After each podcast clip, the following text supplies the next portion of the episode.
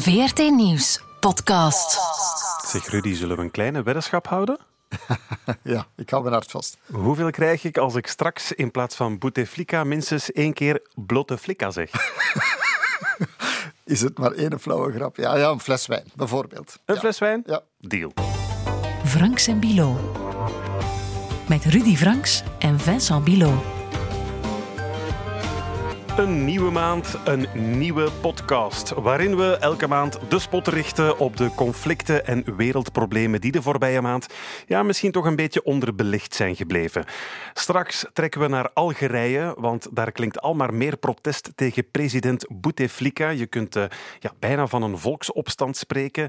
Wat is daar precies aan de hand in Algerije? We gaan op zoek naar antwoorden samen met Marouane, een jonge Belg met Algerijnse roots. We gaan het ook hebben over Egyptische taxis, want die zijn tegenwoordig groener dan bij ons. Geloof het of geloof het niet. Ik geloof het amper. Ik ga het je straks bewijzen. Maar eh, eerst eh, passeren we langs Italië. Want Rudy, jij bent net terug van Italië. Ja, ja. Jouw tweede thuis, hè? Maar deze keer niet om daar met een eh, frisse Pinot Grigio achterover te leunen in de Mediterraanse zon. Nee, nee. Italië was gewoon de eerste halte op een eh, reis die jij eh, onderneemt langs zeven Europese landen. Hè, in de aanloop naar de Europese verkiezingen in mei. Breaking Europe heet dat eh, project. Misschien moet je even uitleggen wat precies de bedoeling is. Tja, in, in de aanloop naar de Europese verkiezingen op zoek gaan naar wat Europa verdeelt, opbreekt, ehm, het spook dat door Europa waart, hoe je het ook bekijkt, namelijk wat jongeren vooral bezighoudt.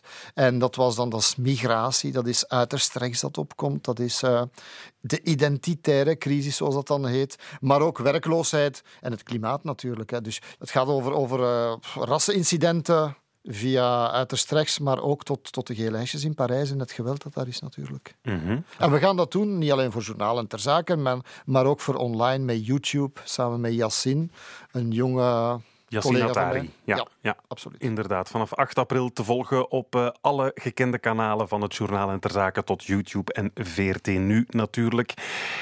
Maar laten we het misschien toch al eens hebben over dat eerste land, hè, waar je het eh, groeiende populisme onder de loep bent gaan nemen. Italië en meer specifiek Sicilië. Als ik aan Sicilië denk, ik weet het, het is een cliché, dan kom ik toch ogenblikkelijk een beetje in deze sfeer terecht.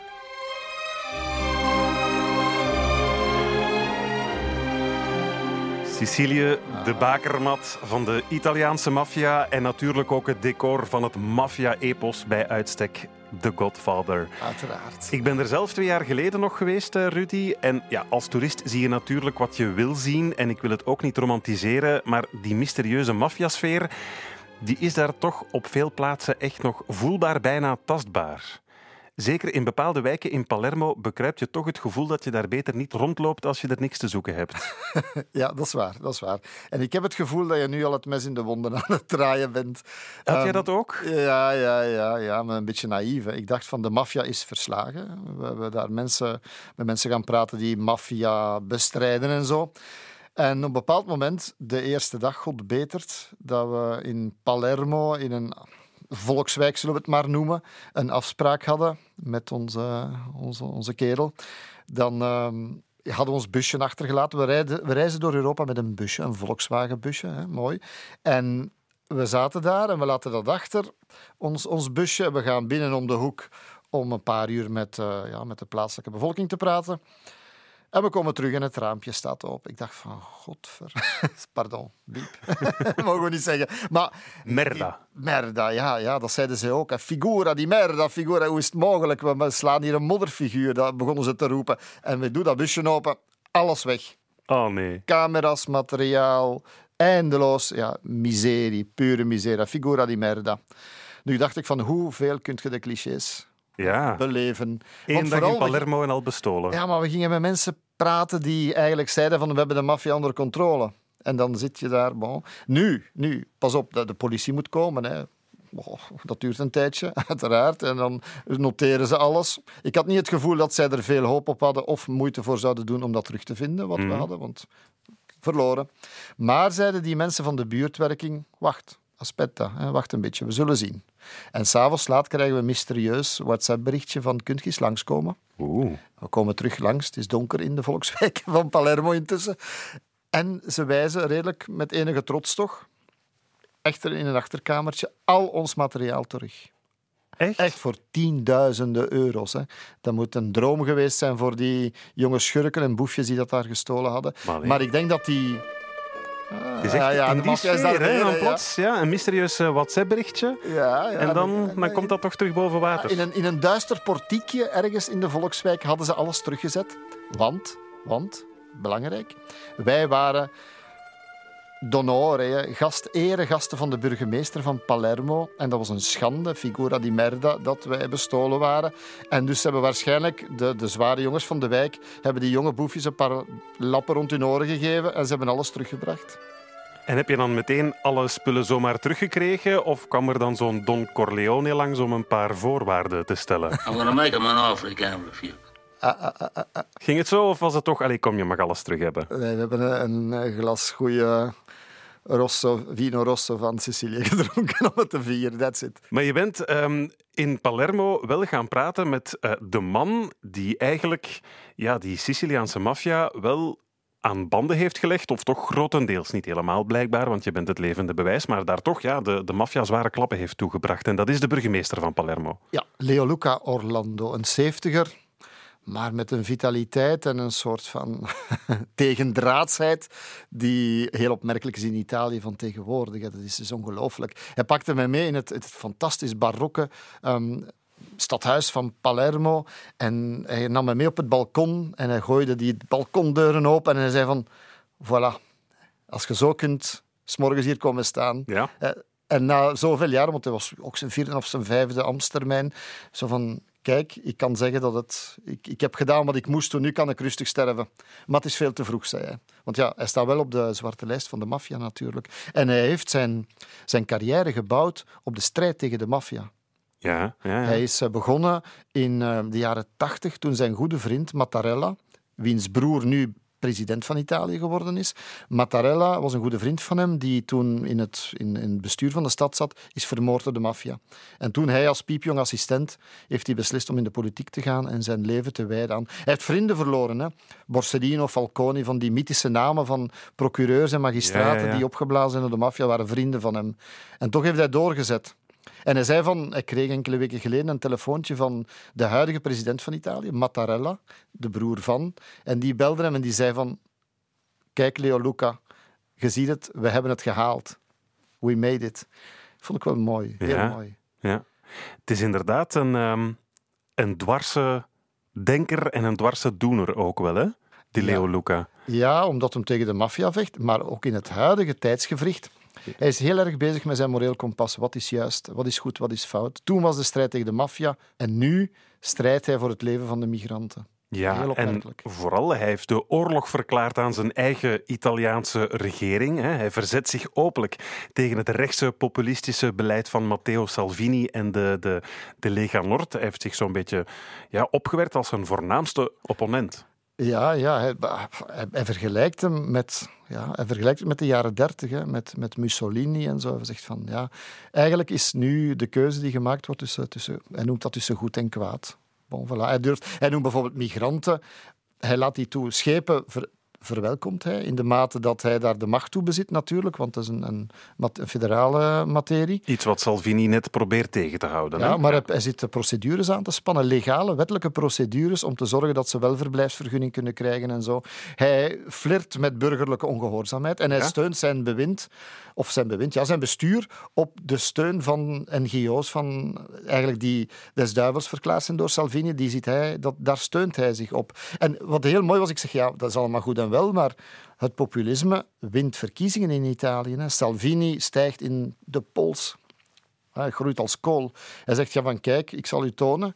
Alle jongeren die tussen 18 en 32 hier gekozen hebben, bij de laatste verkiezingen in Palermo, hebben voor mij verkozen. 82 procent, zei hij.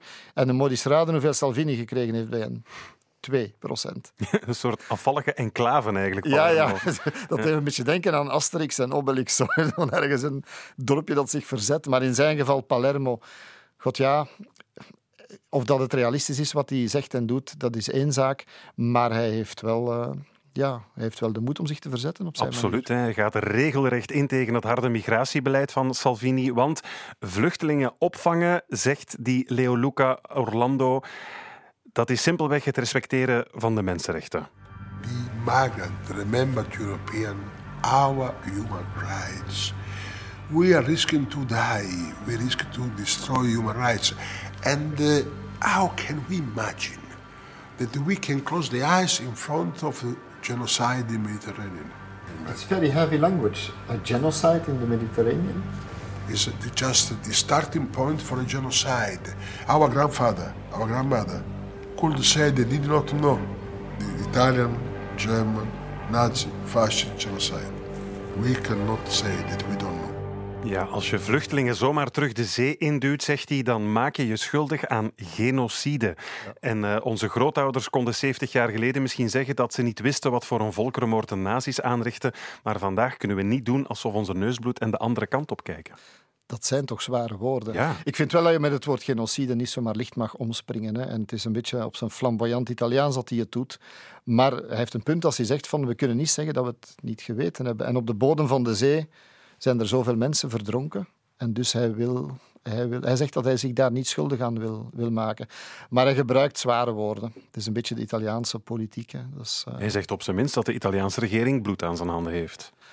Op die manier wel, ja. Mm -hmm. Absoluut, absoluut. En hij maakt er ook... Uh, hij verbloemt het niet. Hij zegt nee, het heel helder. Nee, want hij vergelijkt de populisten van vandaag ook met Pontius Pilatus. Ja. Uh, de man, als ik me niet vergis, ik ben niet geweldig bijbelvast, maar toch de man die Jezus liet kruisigen om ja, de woede van het volk te sussen. Populism is in Europe is on the rise.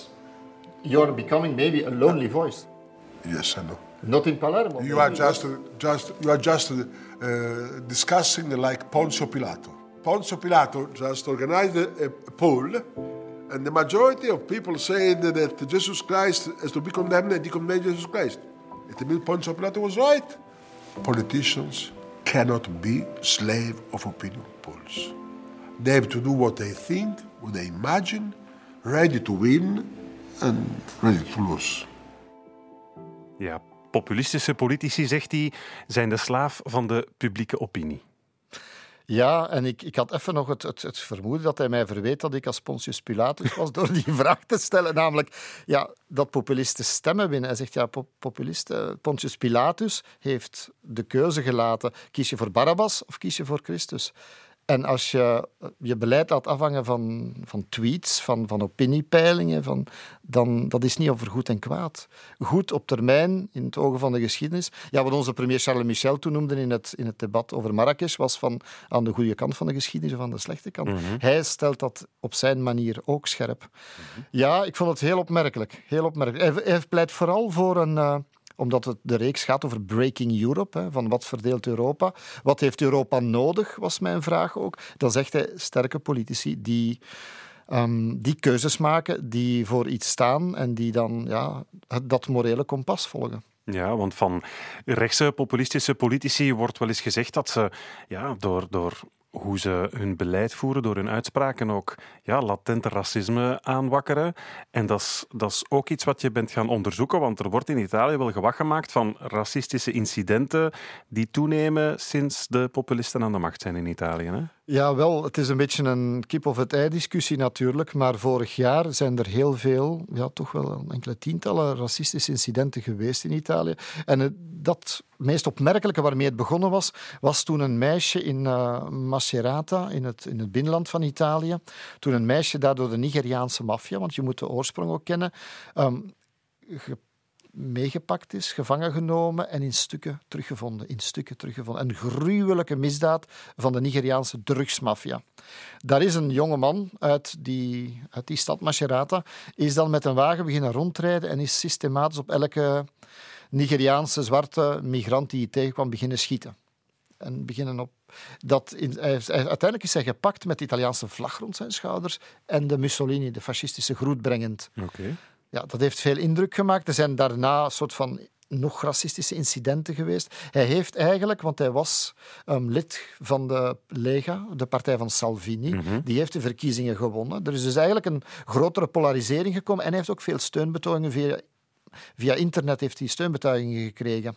Nu, wat het opmerkelijke is, en dat is mij, want ik ben naar de plek geweest waar dat gebeurd is. Ik ben gaan kijken om ook met uiterst rechts te praten die hem steunt, om te begrijpen wat is het probleem hier, want er was een probleem, uiteraard. En ehm, de dag daarop gebeurde in Nieuw-Zeeland wat er gebeurd is, namelijk die schutter die daar gaan mensen afknallen is. In 50 Christchurch, mensen in. Christchurch.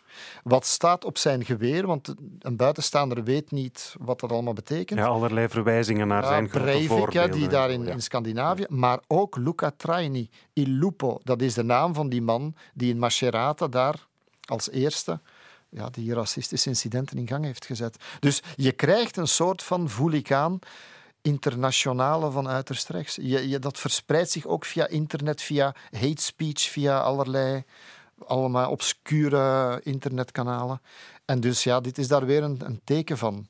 En dan krijg je dus aan de ene kant dat wat Europa opbreekt. En aan de andere kant heb je zo'n mensen als Leo Luca Orlando, de burgemeester van Palermo, die er een open stad van wil maken samen met zijn NGO's. Je krijgt echt een soort van cultuurstrijd tussen twee werelden. Ja, ja. En je hebt het ook met eh, Orlando gehad over de, de aanpak van eh, Europa op eh, dit moment, dan als het over bijvoorbeeld eh, de vluchtelingenproblematiek gaat en eh, ja, waar het dan volgens hem precies misloopt. Angela Merkel said, we schaffen das.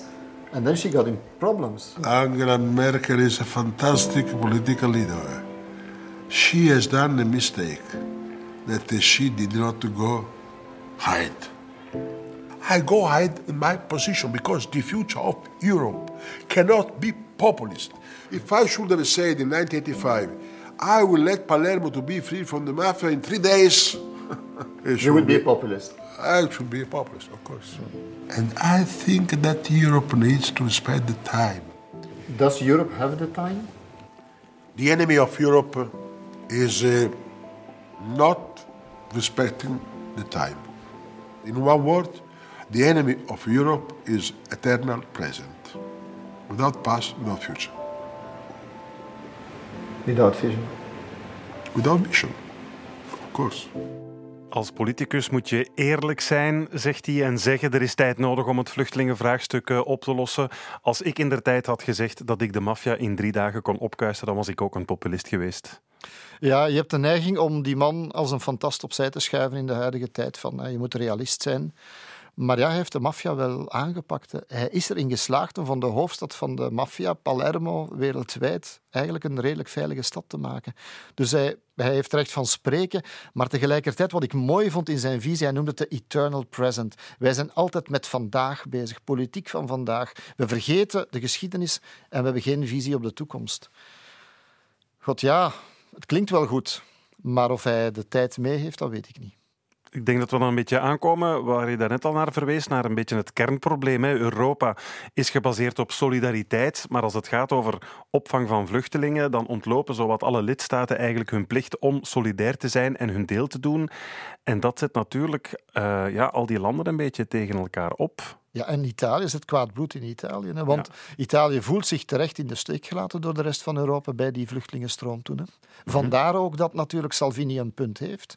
Want je kan Salvini, de, van de Lega en de, de ja, radicaal-rechtse regering van, van Italië, ehm, veel verwijten, maar niet dat hij geen principes heeft. hè. Hij heeft een bepaalde visie. Je kan het ermee eens zijn of niet. Maar zijn bondgenoten die hij zoekt in die andere landen waar ik naartoe ga reizen, Hongarije en zo, zijn bondgenoten, ja, dat zijn zijn bondgenoten, ook populisten. Maar tegelijkertijd steunen zij hem niet, want zij willen geen vluchtelingen van hem overnemen. Juist, ja.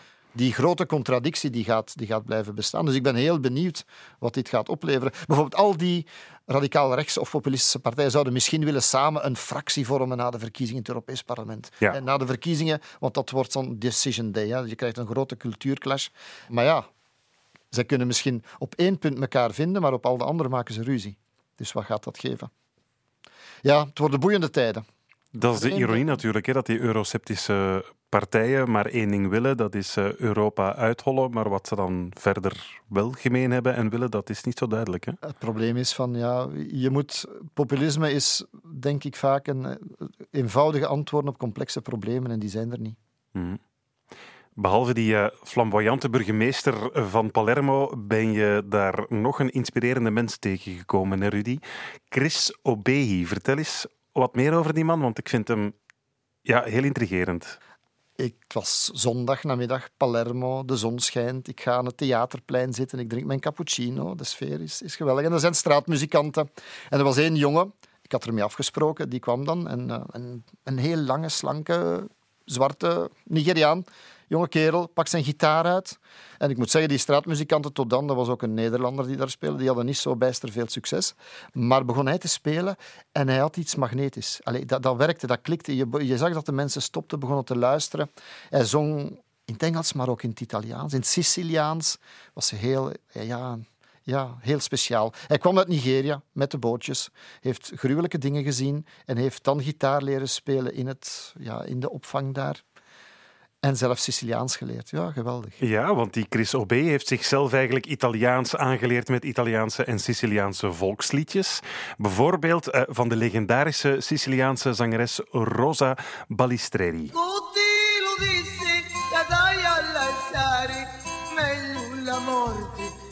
do o luz.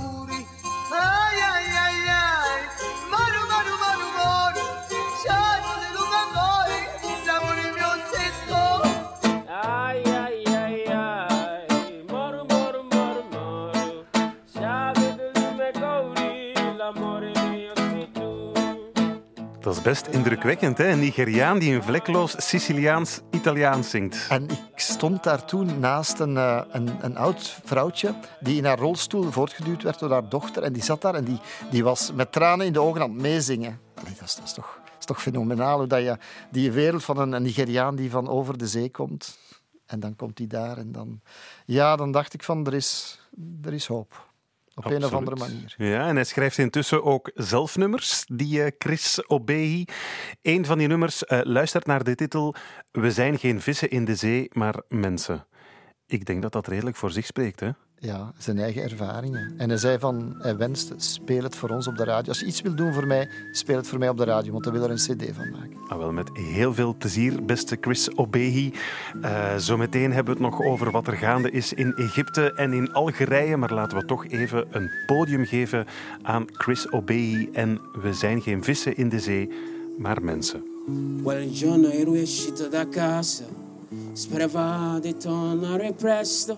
A volte la vita non può essere prevista. Ho sentito un gemito nell'oscurità.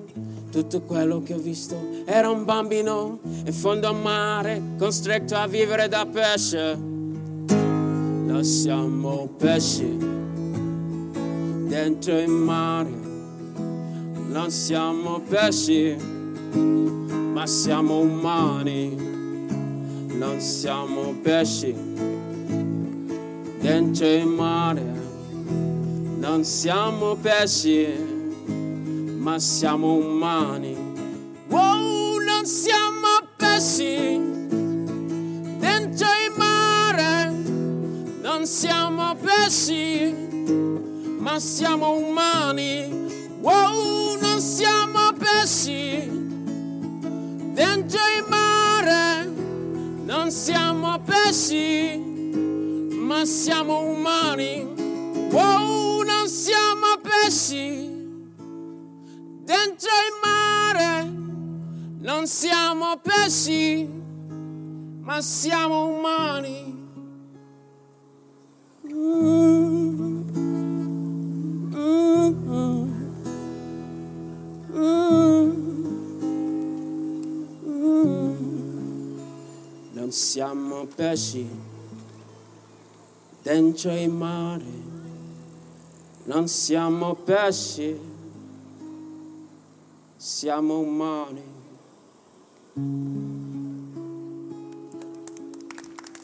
Chris Obehi. Grazie.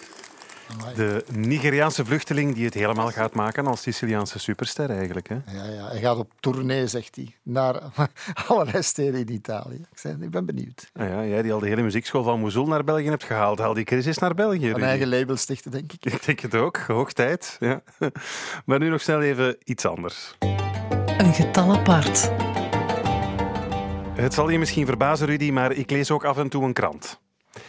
Gewoon Le Monde Diplomatiek, Ah ja, de, de Süddeutsche Zeitung, de Beijing Times, enfin, zo, de dagbladen die iedereen leest, neem ik aan.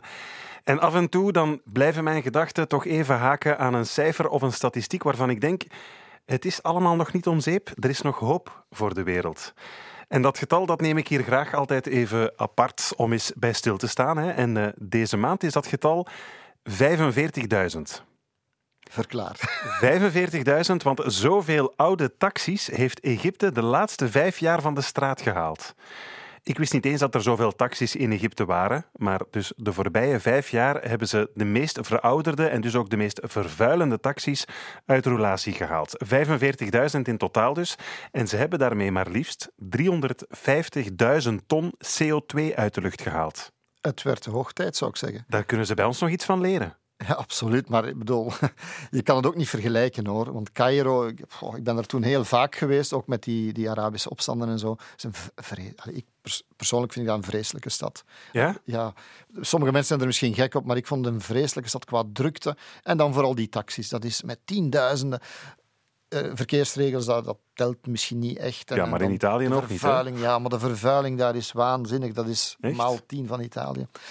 Ik, ik heb een beetje, ik zal een, een kleine fysisch mankement eh, verklappen. Ik heb eh, last van, eh van hooikoorts, van allergie en dus ook. Maar als ik in Cairo rondloop, dan krijg ik daar bijna astma van. Na vier, vijf dagen begin ik echt zo de hele tijd te hoesten en te kuchen van. En dat is alles te maken met die luchtvervuiling. Is het de meest luchtverontreinigde stad die je al hebt bezocht ooit? Ja, ja Zo erg? toch wel, toch wel. Amai, ja, ik kan me daar eigenlijk niks bij voorstellen. En dus blijkbaar inderdaad, dat, dat, dat lees ik nu, ligt dat vooral dus aan die vreselijke, verouderde, eh roetwolk uitstotende taxis Ze daar. zien er charmant uit, hè, maar je, je verliest heel er stukken van jouw leven. En die gaan er ook aan naar de verdoemenis door in, in die stad met taxis rond te rijden. Hè. Ja. Maar tegelijk, die taxis zijn een ongelooflijke bron van, van, van informatie, van weetjes. Als je zo'n taxichauffeur hebt, waar je dan toch uren mee vastzit in het verkeer en die begint van alles te vertellen, is fantastisch hoor. Wat, wat Louis Tobac ooit in België zei, dat zijn grote bron van informatie waren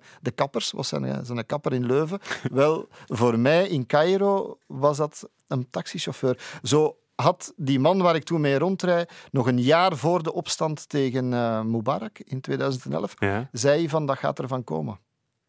Alleen in de beslotenheid van die taxi konden zij kritiek uiten. Hè? Want Ja, ja. dan waren er geen geheime diensten die alomtegenwoordig zijn. En hij zei, want zijn zoon, hij wil zijn zoon op de troon plaatsen. En Mubarak zelf is, net zoals in, in Algerije enzovoort, wat we nu gaan zien, Bouteflika ten einde van, het einde van de rit. Het einde van de rit, een flauwe woordspeling. Maar goed, dus eh, die zei van ja, dat gaat gebeuren. En effectief, vandaar het verbaasde mij ook niet. En ik kon al de klachten op sommige jongeren die werkloos zijn en zo. Het verbaasde me niet dat het effectief gebeurd is. Een andere taxichauffeur, en dan stop ik met taxichauffeurs, die, die ik onthouden heb, is een vrouw. In de Arabische wereld waren een aantal vrouwen blijkbaar die ook zo'n oude taxi hadden en die dus een hele verhalen over emancipatie kreeg ik in die taxi met die vrouwelijke taxichauffeur. Dus ik zeg het, het is niet goed voor de gezondheid, maar wel voor de geest. Ja, dus eigenlijk die, eh, zo de, de Egyptische taxis eh, in Cairo is een beetje zoals het, het koffieautomaat hier op de VRT. Daar kom je eigenlijk alles te weten altijd. Het schijnt, maar daar passeer ik niet. Het is geen cappuccino. Hè. Dat is waar. Maar goed, dus wel een eh, fantastisch recyclageprogramma dat ze daar op poten hebben gezet. Hè. Taxichauffeurs die mochten alle taxis ouder dan 20 jaar gratis inleveren voor een nieuw energiezuiniger exemplaar. En de oude taxis die werden dan gesloopt en gerecycleerd. Wel een fantastisch programma. Ja, ik zou dringend naar eh, Cairo terug moeten om eens een taxi te pakken. De nieuwe. En we blijven in Noord-Afrika. We schuiven een beetje op naar het westen. En dan komen we in het grootste land van Noord-Afrika terecht. Tussen Marokko en Tunesië. En dat is Algerije. Algerije staat al een eh, maand of twee op zijn kop. Hè. We mogen stilaan gewagen van een ware volksopstand. Want elke week komen er honderdduizenden mensen op straat om te protesteren tegen president Bouteflika.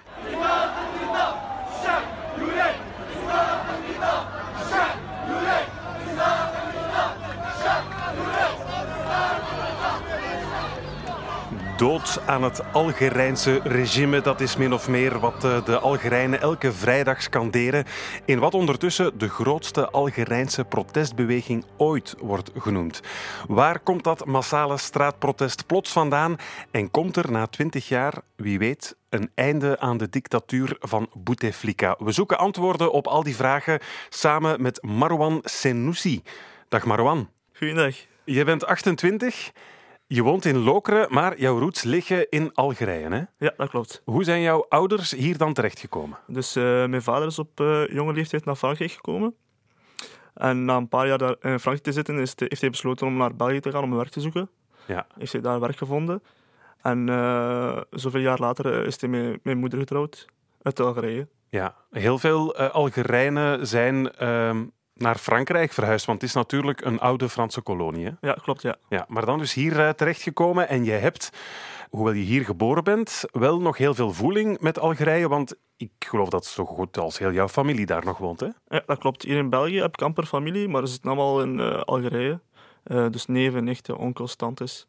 veel kameraden die ik daar ook heb. Ja, en je gaat nog elk jaar tijdens de zomervakantie naar daar? Ja, ik probeer elke zomer op reis te gaan naar Algerije, ja. Oké, okay, dan ben jij goed geplaatst, denk ik, om ons een idee te geven van hoe, uh, hoe het er in Algerije aan toe gaat. Hè? Ja, eigenlijk wel. Eigenlijk. Dus ik ben een beetje op de hoogte van alles wat er daar gebeurt. Ook omdat ik uh, met veel vrienden daar heb. En ze vertellen mij toch wel alles wat er uh, aan het gebeuren is op dit moment ook. Geef ons eens een idee van, van, van dat land. Wat zijn de levensomstandigheden daar eigenlijk op dit moment? Oh, voor ons, om naar Algerije te gaan, is dat, wel, is dat wel plezant natuurlijk. Want wij gaan gewoon op vakantie. Ja. We bleven daar een maand of zo, of twee maanden, ik weet niet. En uh, juist om een vakantie door te brengen is dat wel, is dat wel leuk. Zon, zee en strand natuurlijk. Je ziet de familie terug. Maar voor de mensen die daar zelf wonen, is dat natuurlijk anders. Als je ziet hoe ze, zij daar leven, hebben ze niet echt uh, vakantie om, om het te zeggen. Dus. Nee, want uh, de helft van de bevolking is uh, jonger dan 30. Het is een super jonge bevolking eigenlijk, die, die Algerijnen. En een kwart van al die twintigers is eigenlijk werkloos. Dat is nauwelijks te bevatten. Hè? Ja, klopt. Dat zie ik ook wel vaak in Algerije, dat de, de jongeren echt gewoon niks te doen hebben. Dat ze gewoon over de straat lopen en bij elkaar steun zoeken. Allee, dat ze constant gewoon bij elkaar zitten en niet echt uh, uitzicht hebben op werk of, of toekomst, om het gewoon zo te zeggen. Eigenlijk. Had je kunnen zien dat het begon te broeien? Dat, het, dat er iets aan het komen was de voorbije uh, jaren? Ja, eigenlijk wel, denk ik. Want hoe lang kan, ze, kan Bouteflika allee, aan de macht blijven? Als je ziet zelf dat hij in een rolstoel zit, amper kan praten amper kan stappen. Dus het zat er eigenlijk wel aan te komen, denk ik toch. Ja, maar van die jongeren die dan eigenlijk ja, bij elkaar zitten te, te lummelen, zeg maar. Maar dat is, al, dat is al eigenlijk, sinds dat ik daar ben, dat dat zo is eigenlijk. Dat is daar echt nooit verbetering in gekomen, eigenlijk, denk ik. Dus, uh... Ja, er is geen werk en ja, voor wie wel werk heeft, uh, is het niet veel beter gesteld. Want een gemiddeld maandloon in Algerije bedraagt ongeveer 200 euro. Maar een huis huren alleen kost al 100 euro per maand. Ja, Ja. dan moet ik er geen tekening bij maken, denk Ja, ik. Hè? Dus de meeste mensen werken daar eigenlijk gewoon om juist toe te komen. Eigenlijk. Dat ze gewoon elke dag eten hebben en, en een onderdak. En dat is het eigenlijk zo wel. Ja, le- leeft, leeft jouw familie, leven jouw vrienden echt in armoede dan? Moeten we ons dat zo voorstellen? Ja, armoede, ja. Het is echt niet dat ze het goed hebben, zeker niet. Het is niet echt iemand dat daar... eh allee. Dus ik zeg, het is gewoon eigenlijk eh, proberen toekomen einde van de maand. Dat gewoon iedereen, al hun kinderen eten hebben, een onderdak. En dat is eigenlijk zo wat het belangrijkste daar. Ja, dan groeit er ongenoegen, dat kan ik mij perfect voorstellen. Maar van waar dan plots toch die protesten? Waar komen die dan ineens vandaan? Wat heeft ervoor gezorgd dat mensen plots wel hun mond beginnen open te doen? Eh, ik, denk dat ze, ik denk dat ze het gevoel hebben dat, ze, dat er met hun voeten gespeeld wordt eigenlijk. Dus als je ziet dat iemand als Bouteflika opeens zegt van ik sta mij terug kandidaat, dat, allee, nee, dat niemand dat normaal vindt eigenlijk. En ik denk dat dat de, de reden was Mhm. dat iedereen opeens zegt van "De- deze kan niet meer verder eigenlijk. Ja, want hij is al twintig jaar aan de macht en mensen voelen dat het economisch alleen maar slechter en slechter gaat. En op een bepaald moment is er een soort point of no return dan eh, bereikt. Maar ja, het is eigenlijk, uit- allee, genoeg is genoeg denk ik. Dus het heeft lang genoeg geduurd eigenlijk, vind ik zelf. Doen jouw vrienden ook mee? Ja, ja, iedereen al, iedereen al reden mee.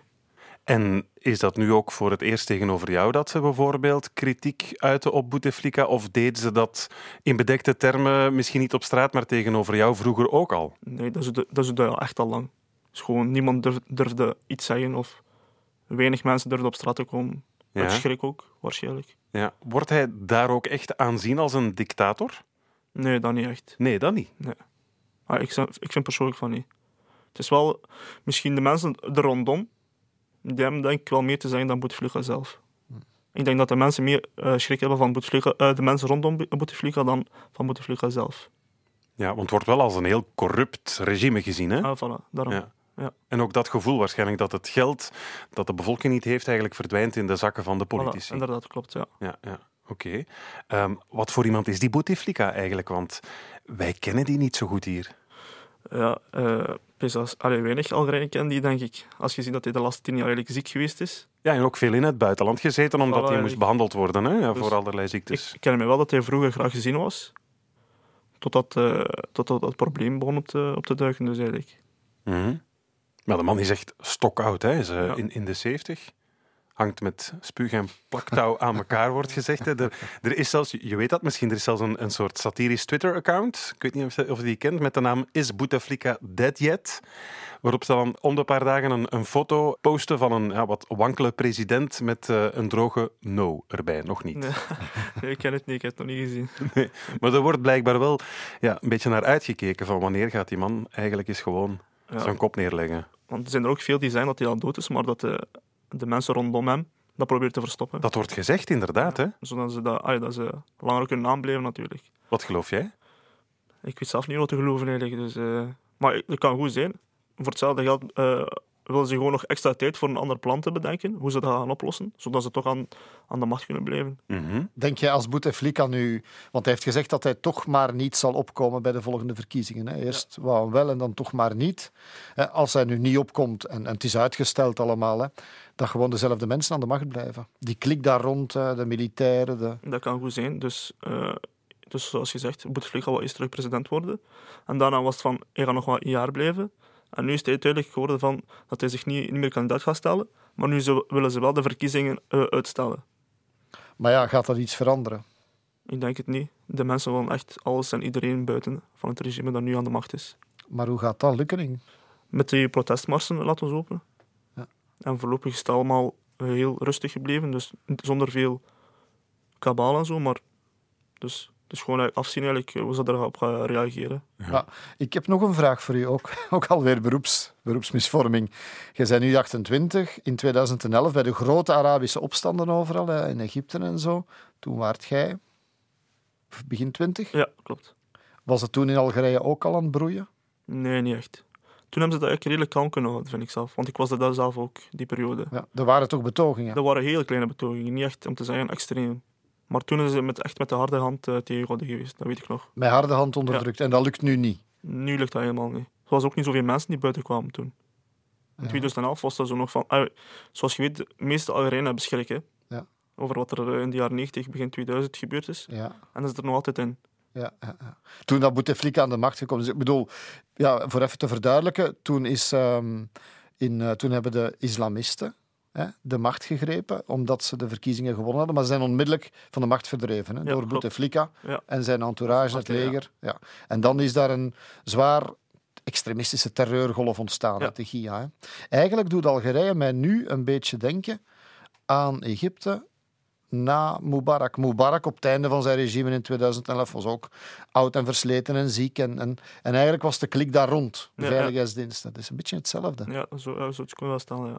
Dus heb je geen schrik dat in Algerije hetzelfde scenario als in Egypte zou gebeuren? De macht gaat over naar het volk, maar dan krijg je weer verkiezingen en dan gaat de militairen of Ik, opnieuw de macht grijpen uit vrees voor extremistische ik hoop van niet, islamgroepen. ik denk dat niemand weet hoe dat nu gaat verder verlopen, eigenlijk. Het is eigenlijk zo, ja...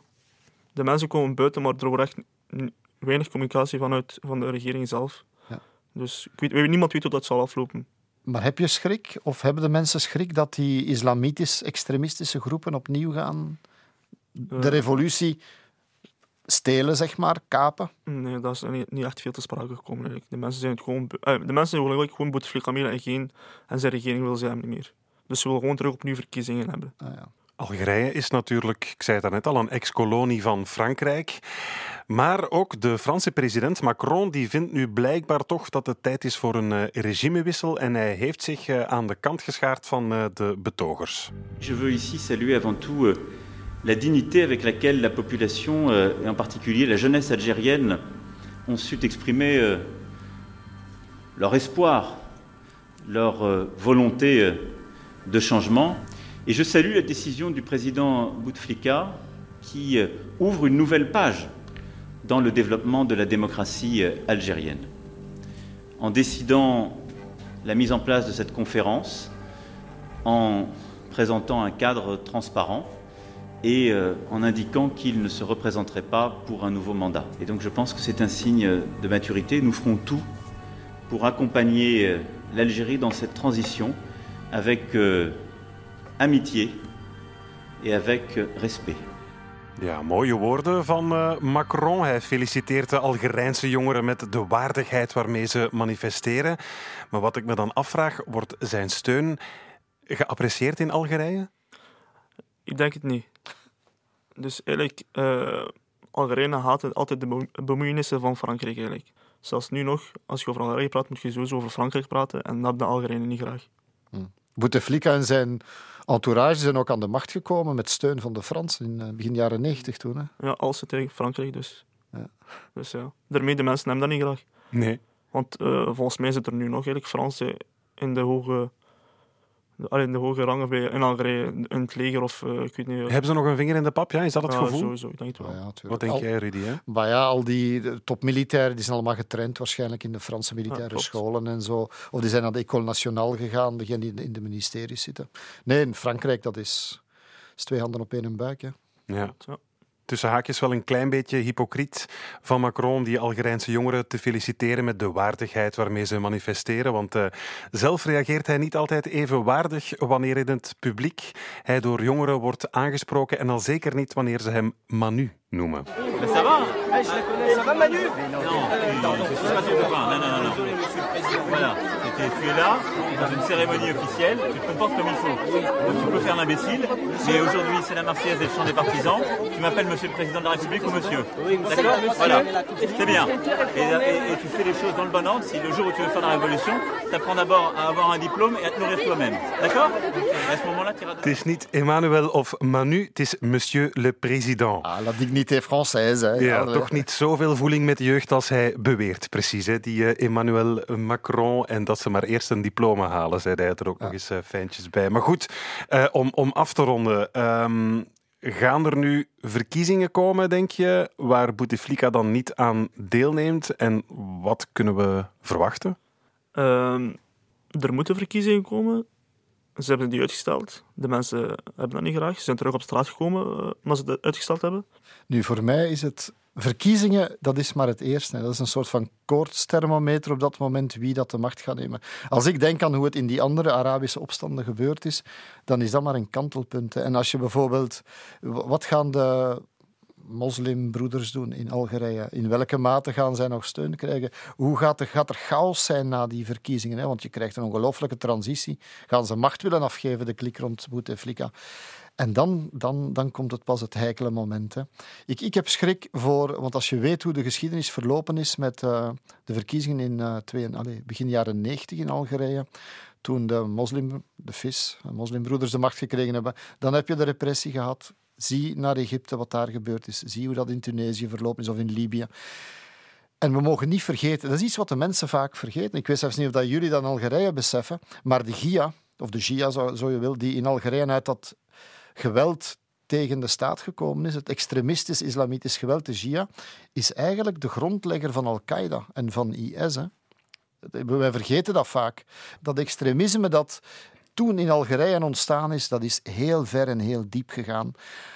We mogen de geschiedenis niet vergeten. Dus ik, ben, ik hou echt wel met een visadempje in de gaten van hoe het in Algerije gaat verlopen en of men dat kan op een voorzichtige, gezonde, volwassen manier gaat kunnen doen. Dus ik begrijp Macron als hem la dignité van de jeugd, hoe dat ze het aanpakken. Maar ik hoop echt wel dat, dat uw vrienden beseffen van hoe het eraan toe gaat en waar ze mee bezig zijn. Ja, dat beseffen ze wel eerlijk gezegd. Ja? Ja, denk het wel. Afwachten of er verkiezingen komen en of het regime dan misschien toch eindelijk eens die eh, verkiezingen verliest. Want dan staat het eh, regime dan toch eindelijk nog in zijn blote flikken. Heb ik die fles wijn verdiend? Voor flauwe moppen, ja, natuurlijk. Ja.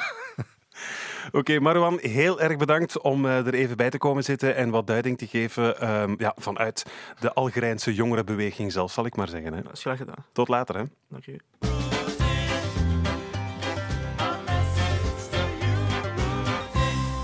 Er zijn ook deze maand weer heel wat luisteraars die een berichtje voor jou hebben achtergelaten, Rudy. Een eh, persoonlijke vraag stellen aan Rudy Franks, dat kan namelijk hè, op het mailadres franksnbilo aan elkaar at vrt.be. Ja, en dankzij die vragen van luisteraars zijn we bijvoorbeeld al te weten gekomen waar dat onafscheidelijke sjaaltje van Rudy vandaan komt. Eh, je hebt hier ook al bekend, Rudy, dat je met eh, de jaren zachter en kwetsbaarder geworden bent. Dat je al eens makkelijker een traantje wegpinkt. Je hebt hier zelfs al onthuld dat je in het grootste geheim aan een James Bond-achtige spionagereeks voor televisie werkt. Dat zijn we allemaal te weten gekomen dankzij die doortastende vragen van onze immer nieuwsgierige luisteraars. Waarvoor dank. En de meest doortastende vraag die we afgelopen maand hebben binnengekregen, Rudy, is eh, van luisteraar Maarten uit Kluisbergen. Die heeft gemaild. Ik lees even voor. Beste Rudy, jij hebt als buitenlandreporter alle uithoeken van de wereld gezien. Je hebt onze planeet doorkruist van noord tot zuid en van oost naar west. Jij, als man van de wereld, jij moet ongetwijfeld het antwoord kennen op de vraag der vragen. Waar hebben ze nu de mooiste vrouwen? Oh, la, la, la, la. PS schrijft hij erbij: Ik vraag het niet voor mezelf, ik vraag het voor een vriend. Oh la la, ja. Ho, ho, ho, ho. Ja, ik had gehoopt dat je zou zeggen wat is de mooiste plek. Dan had ik misschien wel IJsland, die ik gezien heb gezegd. De mooiste plek Daar hebben ze de is mooiste sowieso die met de walvissen, mooiste maar, vrouwen. Ja, dat waren de mooiste walvissen. Dat is allemaal bo. Nee, bah, dat, is, dat is een verdorie moeilijke. Miljard. Miljard. Ik zou heel opportunistisch kunnen zeggen, ze hebben overal mooie vrouwen natuurlijk. en lelijke, maar ook mooie. Ehm, ja, Italië vind ik toch nog altijd Ja? wel een mooie. Ja, absoluut. Nee, eigenlijk Israël, Ja, Tel Aviv.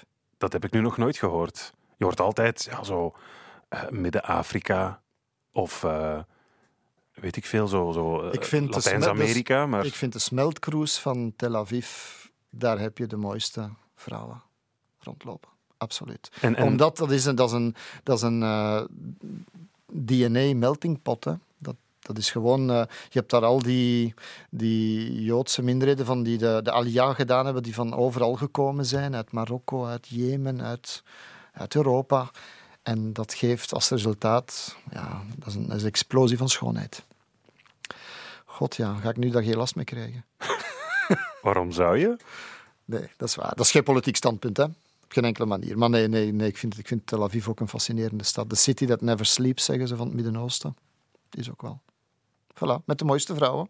Kijk, maar ik ben blij dat we daar een antwoord op gekregen hebben. Maar pas op, ze hebben allemaal in het leger gegaan. Ze hebben allemaal een serieuze training gehad. Dus eh, Ja, het zijn geen katjes om zonder handschoenen aan te pakken, dat kan ik me voorstellen. watch out. Maar dus sterke en toch knappe vrouwen, dat is eigenlijk de ideale combinatie, toch? En slim. En slim. Goh, amai. Allemaal naar Tel Aviv. En eh, jij dus zeker, Maarten. Je hebt een antwoord gekregen op je vraag. De schoonste vrouwen, die vind je in Tel Aviv. Franks en Bilo. Als je zelf nog een vraag zou willen stellen aan Rudy, grijp vooral je kans hè, voor al je vragen of opmerkingen natuurlijk. Hè. Eén adres, franksenbilo.vrt.be. En als je dit niet eh stom vervelend vond, dan zou ik zeggen, luister nog naar, eh, op ons kanaal Franks en Bilo op alle podcast-apps. Nog niet in Spotify, maar dat komt er nog wel van. En dan krijg je alle nieuwe afleveringen. Rechtstreeks in je feed, hè. Ja, ah, wat een fiets, wat is dat? In je voet. Dan krijg je die rechtstreeks in je voet, Rudy. Ja, oké. Uiteraard ook nog eh, Marwan Senoussi bedanken voor de zeer verhelderende babbel over Algerije. En redactie vooral, Vincent Merks. Tot volgende maand. Jo. Ai, ai, ai, ai.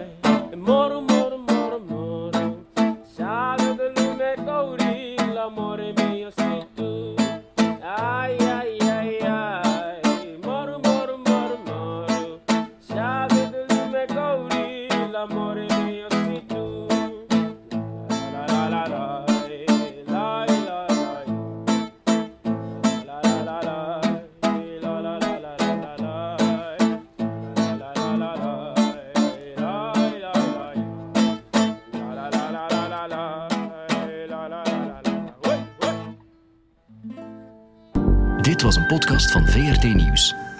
Je vindt er meer op de podcastpagina van vrtnieuws.be of via de podcast-app op je smartphone.